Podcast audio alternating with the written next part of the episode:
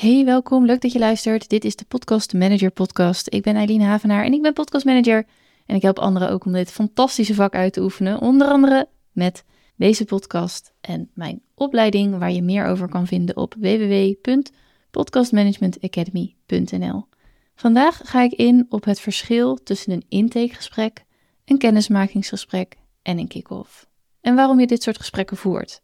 Dat allereerst. Je wilt namelijk een aantal dingen weten van een klant voordat je met elkaar samen gaat werken en bij de start van het samenwerken met elkaar. Ik heb eerder een aflevering over opgenomen over de belangrijkste vraag om je klant te stellen, dus die zou ik ook zeker even luisteren, omdat deze met deze aflevering heel goed te combineren is. Wat doe je eerst? Wat is een intakegesprek, een kennismakingsgesprek en een kick-off? Een intakegesprek en een kennismakingsgesprek zijn eigenlijk hetzelfde. Je zou hem ietsje anders kunnen insteken, omdat een kennismakingsgesprek wat vrijblijvender zou kunnen zijn en een intakegesprek wat meer op de inhoud ingaat. Wat ik in mijn kennismakingsgesprekken doe, die veranderen eigenlijk vanzelf al in een intakegesprek. En zo vlieg ik hem ook aan. Het kennismakingsgesprek heb ik ingestoken als hè, we, gaan elkaar kennen, we gaan met elkaar kennis maken, we leren elkaar ietsje beter kennen. En ik hoor heel graag meer over jouw podcastplannen, ambities en dromen. En ik denk gelijk even met je mee. Dat is wat ik doe in een kennismakingsgesprek. En op het moment dat zo'n gesprek goed gaat, dat ik denk: hé, hey, dit is wel een match. Deze persoon past bij mij. De vraag die diegene heeft past ook bij mij. Dit is iets waar mijn aanbod een oplossing voor kan zijn. Dat is echt een goede check die je met jezelf kan doen tijdens zo'n kennismaking. En denk je nou van: oh my god, dat weet ik helemaal niet. Ik wil gewoon kennis maken en ik kan nog niet tegelijk nadenken over of dit de, de juiste klant is voor mij, of ik wel kan wat diegene vraagt. Zie het dan echt als een kennismaking en haal die twee uit elkaar. Dus bepaal van tevoren wat je wilt weten tijdens de kennismaking en ga dat uitvragen. Ga gewoon lekker met elkaar kletsen. Hè? Niet te veel druk. Desnoods, desnoods, niet eens desnoods, maar denk even mee. Als iemand een probleem presenteert, geef dan een richting waarin ze kunnen denken. Of vertel wat jij met een andere klant hiervoor hebt gedaan. En laat zien dat jij degene bent die dit eventueel kan gaan oppakken. Maar als je denkt, dit is, I don't know, ik snap het niet, ik weet het niet, ik doe dit voor het eerst ik weet ook nog niet precies welke klant ik wil gaan bedienen. Ik wil überhaupt mijn eerste klant krijgen. Take a breather. Haal even adem. Een kennismakingsgesprek is heel vrijblijvend. Niet alleen voor jouw eventuele nieuwe klant, maar ook voor jou. Mocht je nu wel iets meer in de vingers hebben of, of je merkt dat het gewoon eigenlijk best wel makkelijk gaat, dan kun je het een intakegesprek, nou ja, de intentie van een intakegesprek gewoon toevoegen aan het kennismakingsgesprek. Dan ga je gewoon verder. Misschien heb je een ander lijstje geprepareerd, voorbereid om een eventueel intakegesprek te gaan doen. Want een intakegesprek, en het woord zegt het al een beetje, dan ga je iemand ook echt ja, in je aanbod brengen. Je gaat echt heel goed verkennen hoe kunnen we samenwerken? Wat kan ik precies doen? Wat zijn de exacte problemen waar je tegenaan loopt? Wat zijn de energielekken? Waar kan ik jou ondersteunen? En wat zijn jouw ambities, dromen en hoe gaan we daar eventueel samen aan werken? Dit vergt simpelweg ervaring. Als je met klanten aan het werk gaat, dan voel je al heel snel, dan merk je al heel snel waar voor jou belangrijke punten liggen om goed te kunnen samenwerken. Welke kennis heb je nodig? Welke informatie heb je nodig?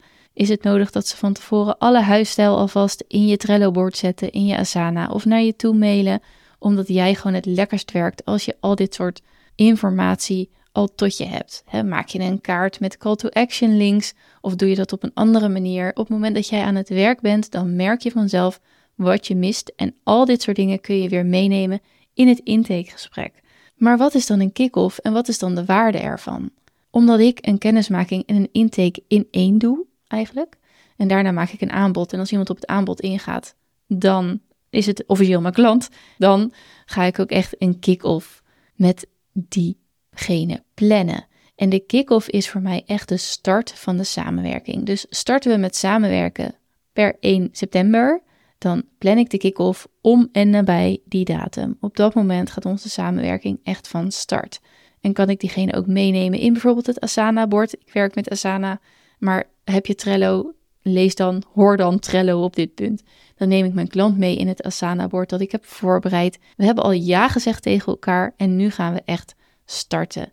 En dit doe ik ook om te laten zien hoe we technisch met elkaar samenwerken, maar ook om gewoon nog een aantal dingen te herhalen uit de intake, dan wel de kennismaking. Heb ik het goed begrepen? Zitten we op één lijn? Zijn dit nog steeds de doelen die je voor ogen hebt?